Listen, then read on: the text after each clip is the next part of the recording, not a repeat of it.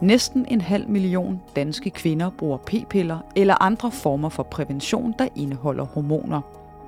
Tidligere har det store fokus været på risikoen for blodpropper, men nyere studier fra blandt andre professor og overlæge Øjvind Lidegaard viser også en sammenhæng med depressioner. En viden, der især er vigtig at få ud til de helt unge kvinder. Hvis man starter med at give kvinder de her produkter, så skal de informeres om, at den her mulige bivirkning eksisterer, således at hvis de så fik en depression, at de så var klar over, okay, det kan hænge sammen med de her p-piller. Du kan høre mere om sammenhængen og hvilken forskel det kan gøre for fremtidige p-pillebrugere i denne udgave af Ugeskriftets videnskabspodcast. Velkommen til.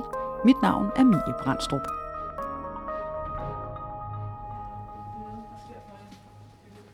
Hej, hej. Hej, Jo, tak for det. Jeg hedder Øjvind Lidegaard. Jeg er professor og overlæge på gynækologisk afdeling på Rigshospitalet, hvor vi også sidder ovenikøbet mit eget lille kontor, som jo er cirka en femtedel i størrelse af, hvad det var dengang jeg var student her og var inde på professorens kontor. Så der er så sket noget, der er sket noget lidt med størrelsen siden. Så fik vi også lige den del med. Udgangspunktet for studiet om sammenhængen mellem hormonel prævention og depressioner, der er beskrevet i en ny statusartikel i ugeskriftet, begyndte med en undren. Oprindeligt var det min data manager, Charlotte Skovlund, som øh, havde tre veninder, som havde fået en hormonspiral, og som inden for et rimelig kort tidsrum derefter udviklede depression. Og så fik Charlotte den tanke, om det kunne hænge sammen med, at de har fået den der hormonspiral, og det var jeg lidt skeptisk over for må at sige som udgangspunkt. Men øhm, da vi så skulle undersøge den detalje, så tænkte vi, at vi kunne lige så godt lave uh, the big shot og få undersøgt alle typer af hormonel antikonception, hvordan det indvirkede både på udviklingen af depression, som man bliver indlagt for, altså depressionsdiagnoser, men også øh, påvirkede brugen af antidepressiv medicin. Der er jo langt flere mennesker, der tager antidepressiv medicin, som bliver indlagt med en depression, så derfor er det et lidt mere følsomt øh, mål at have. Kun hver 20. kvinde, som behandles med medicin for depression, bliver indlagt på et sygehus og får en diagnose.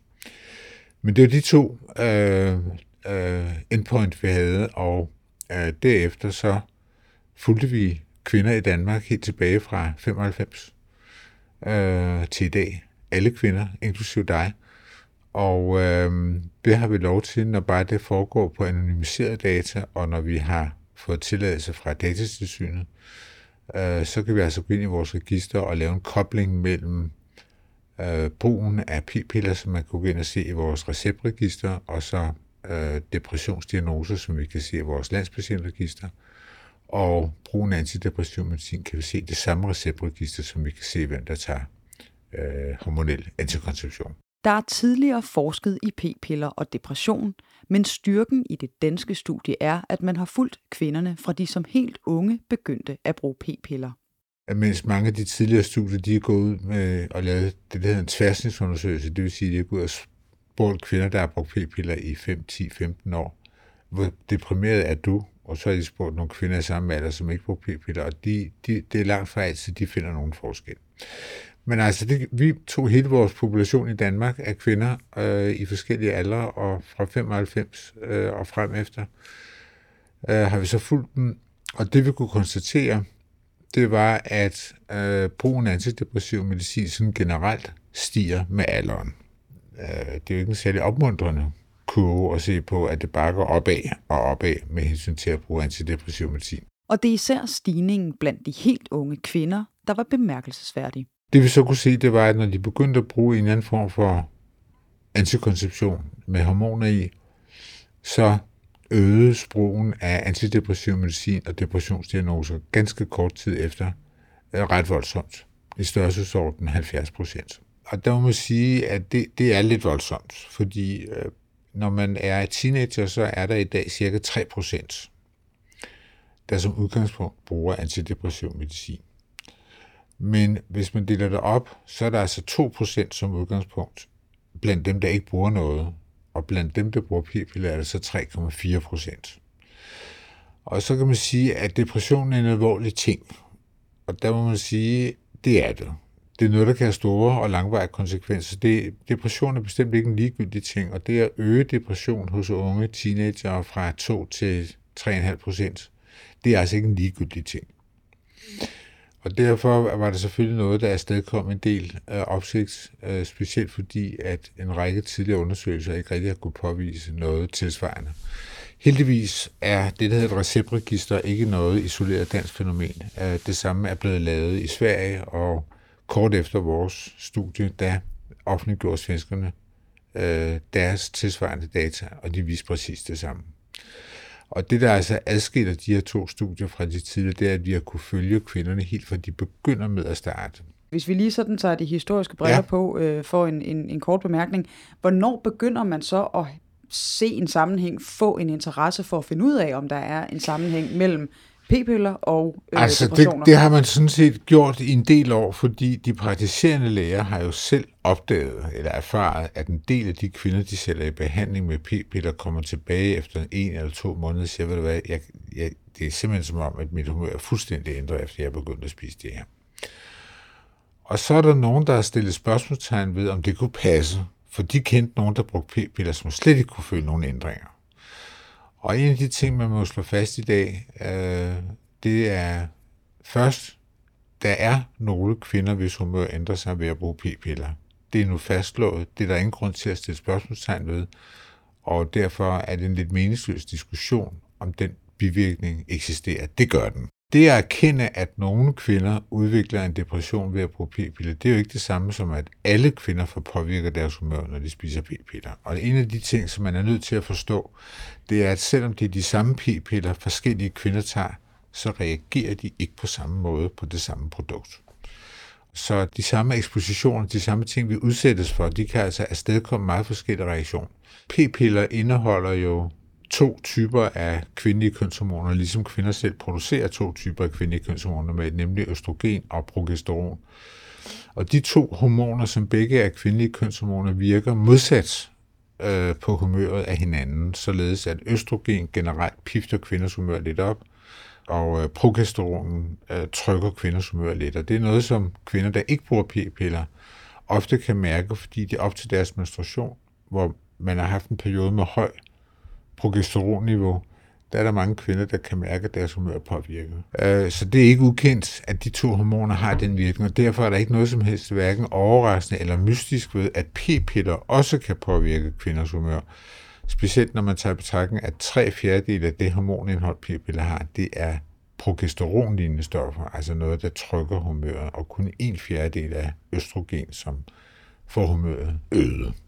Så det passer godt med den viden, vi havde i forvejen, vi har bare ikke rigtig været i stand til at dokumentere det øh, empirisk, altså ved, ved konkrete undersøgelser før nu. Studiet har også kigget på andre typer af prævention, der indeholder hormoner. Og her er tendensen den samme. Især for de rene gestagenpræparater som minipiller og hormonspiral, og det er værd at hæfte sig ved. For de er nemlig tidligere blevet frikendt for en anden lille, men alvorlig risiko, nemlig blodpropper så har vi jo tidligere konstateret, at for eksempel angår blodpropper, der var kombinationsprodukterne dem, man fik blodpropper af, mens hvis man fik ren gestagen, det vil sige minipiller, hormonstav eller hormonspiral, så var der ikke noget blodpropproblem. Sådan er det desværre ikke med depressionen. Der er det sådan, at man både får depression af p-pillerne, og man får også depression af de produkter, der kun indeholder gestagen, hvilket ikke er mærkeligt, fordi selvom dosis af gestagen er mindre i en hormonspiral, end den er i p-piller, den der afgives til kroppen hver dag, så modvirkes øh, gestagen i hormonspiralen ikke af en østrogendosis, som virker den modsatte vej på humøret, mens p-piller så har det. Så selvom p-pillers dosis er meget større gestagen, så har de til gengæld østrogenet til ligesom at løfte noget af den sænkning, som gæstegenet vil, vil afstedkomme, og det har hormonspiralene ikke. Og derfor er virkningen faktisk overall nogenlunde den samme ved de to produkter. Så man, man løser ikke noget problem ved at skifte fra en type antikonception, der indeholder hormoner til en anden. Til gengæld er det, som betyder noget, det er kvindernes alder. Og det vi har kunne konstatere, det er, at følsomheden er langt større, når man er teenager. for de her produkter, end den er, når man er over 25. Og netop kvindernes alder er genstand for den kritik af tidligere studiers metodiske tilgange, som statusartiklen i ugeskriftet også indeholder. Simpelthen, at man har taget udgangspunkt i kvinder, der har haft en vis alder som udgangspunkt, det vil sige typisk fra 25 op. Så man har udelukket alle de unge kvinder fra studierne. Øh, det er ikke begrundet i de fleste undersøgelser, hvorfor man har gjort det. I flere undersøgelser havde man faktisk unge piger med, men har så ekskluderet dem fra publikationen. Det er den ene ting. Og den anden ting, som hænger lidt sammen med den første ting her med aldersgrupperne, det er det at kunne følge kvinder fra de begynder med at bruge deres produkter, og ikke efter de har brugt min lang årrække. Og øh, de to ting hænger selvfølgelig sammen, fordi det langt de fleste kvinder begynder at bruge p-piller i ung alder, så betyder det altså, at man skal følge kvinder ned til fra omkring 12, 13, 14 års alderen og så frem. Og så har man altså et godt udgangspunkt for at fange øh, og få de præcise samtale, som vi har fået her. Ja, og I kalder det uh, healthy user bias i, ja. uh, i artiklen. Altså det her med, at man, man, Men, man, man får en slagside øh, imod folk, der sådan set er raske, eller hvor problemet sandsynligvis ikke vil opstå. Ja. Ved at alle de følsomme holder op efterhånden. Og det vil sige, dem, der bliver tilbage i det, vi kalder kohorten, altså den gruppe af kvinder, som oprindeligt startede, det er alle dem, der tåler produkter godt. Og hvis man så siger, at vi vil ikke høre noget til dem, der er holdt op, men vi vil kun høre noget fra dem, der nu har brugt det i 10 år og ikke har holdt op, så er det ikke så mærkeligt, at man ikke finder så mange, der bliver deprimeret. Og specielt ikke, hvis det man så sammenligner med, at de kvinder, der er holdt op, og som nu ikke bruger p-piller længere, men som altså er i referencegruppen, fordi den gruppe, der er følsom og er holdt op, de har også en øget risiko for at få depression i det hele taget. Nu var p-piller det første, der ligesom testede deres følsomhed. Hvis den står i nævneren, den gruppe, så har du altså en gruppe for neden, der har en forhøjet risiko, og så har du en gruppe for oven, der har en kunstigt nedsat risiko, fordi de fleste af de følsomme var pillet ud af gruppen. Og den dobbelt bias, det gør altså så, at man fuldstændig mister muligheden for at påvise en sammenhæng. Og det, det er ikke fordi, det er særlig svært at forstå. Det er bare først nu, man ligesom har indset, at det er det, der er grunden til, at man ikke tidligere har kunne finde det på samme måde, som vi nu har fundet det. Og hvor bevidst har det så været, at studierne er designet på den måde? Ja, det kan man jo spørge sig selv om. Jeg har faktisk gjort med den umage, at jeg har skrevet over til tre af de øh, grupper, der tidligere har lavet studier og spurgt dem, hvorfor de tog alle de unge kvinder ud, når de nu havde data på dem. De er ikke svaret.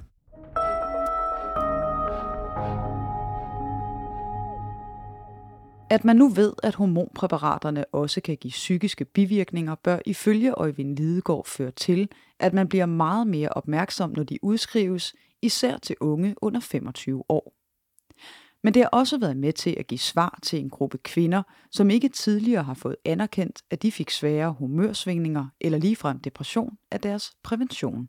Faktisk var der utrolig mange kvinder, der pludselig fandt et øre som troede på, at det, de havde gået og snakket om i overvis, nemlig at de blev påvirket af de der hormoner, at det, at det rent faktisk var noget, man kunne måle og dokumentere var rigtigt. Og det er jo en stor, øh, det er en stor lettelse for folk, som øh, har været øh, genstand for en bivirkning, som de har lidt af i mange år, og som man så ikke har vil anerkende øh, fagligt. Øh, pludselig at se, at der er altså rent faktisk nogen, der nu har fundet noget, som gør, at det har gået og følt, det faktisk godt kan være rigtigt. Ja, og som jeg læser studiet, så spænder øh, det her jo fra det, man kan kalde psykiske påvirkninger, måske en psykisk sårbarhed, ja. Over depression, og så jo desværre også helt over til, ja. til selvmordsforsøg og selvmord. Nu sagde jeg før, at der var øh, 2-3 procent af unge kvinder, der anvender antidepressiv medicin, og det er jo mange, kan man sige, øh, når, når man ser på en hel befolkning. Til gengæld skal vi stå fast som indlægning, hvis vi skal til at snakke om selvmord. Det er jo få, der begår selvmord. Der er mere end 200 selvmordsforsøg blandt kvinder, unge kvinder, før et lykkes. Så man kan sige, at mens depression er et ret hyppigt endpoint, så er selvmord heldigvis, selvmord, der lykkes vel at mærke, et sjældent endpoint. Og selvom vi kunne så påvise, at øh, risikoen for at begå selvmord var tredoblet, så skal man øh, stadigvæk huske på, hvor få det handler om. Og jeg synes personligt, at det er langt alvorligere, at øh, så mange udvikler depression af dem, der starter på at bruge p-piller, øh, end det er, at nogle ganske få begår selvmord. Fordi depression er altså ikke en ligegyldig ting, og der er jo 100 gange flere, 1000 gange flere, der får depression for hver en, der, der begår selvmord. Man kan sige, at selvmord er selvfølgelig irreversibelt, men øh, den skade, man oplever, når man udvikler en svær depression, det kan jo være noget, der følger en mange år fremadrettet. Ja, det er jo det, jeg skulle til at sige, fordi, og i særdeleshed, hvis, hvis vi så taler om unge piger, altså teenagepiger, ja. hvis, man, hvis man der udvikler en depression, så har man jo potentielt altså gødet øh, ja. resten af livet ja. for at have en psykisk sårbarhed. Ja, eller i hvert fald komme skævt ind på livet på et tidligt skæbnesvangert tidspunkt. Og det kan jo følge en både uddannelsesmæssigt og øh, socialt øh, en lang overrække fremadrettet. Så det er noget, vi skal tage alvorligt. Men det er stadigvæk vigtigt, øh, samtidig med, at vi anerkender, at der altså er denne her, det her aspekt ved brugen af de her produkter, at det er et lille mindretal, der udvikler det. Der er ret mange kvinder, der oplever en let sænkning af humøret, men egentlig depressionsudvikling, det er jo stadigvæk en, en lille del af dem, der starter med at bruge p-piller, der oplever den bivirkning. Det er bare vigtigt, at vi også øh, anerkender, at der er den gruppe, og at vi hjælper dem. Så derfor gælder det om at have et øget fokus på at finde de få procent, der risikerer at få en depression, uden at afskrække dem, der aldrig vil opleve psykiske bivirkninger, mener Øjvind Lidegaard. Derfor giver det ikke nogen mening enten at sige, at man slet ikke bør bruge p-piller nogen, fordi der er en stor gruppe af kvinder, der bruger dem og er vældig glade for dem, og, og primært har positive virkninger af at bruge dem.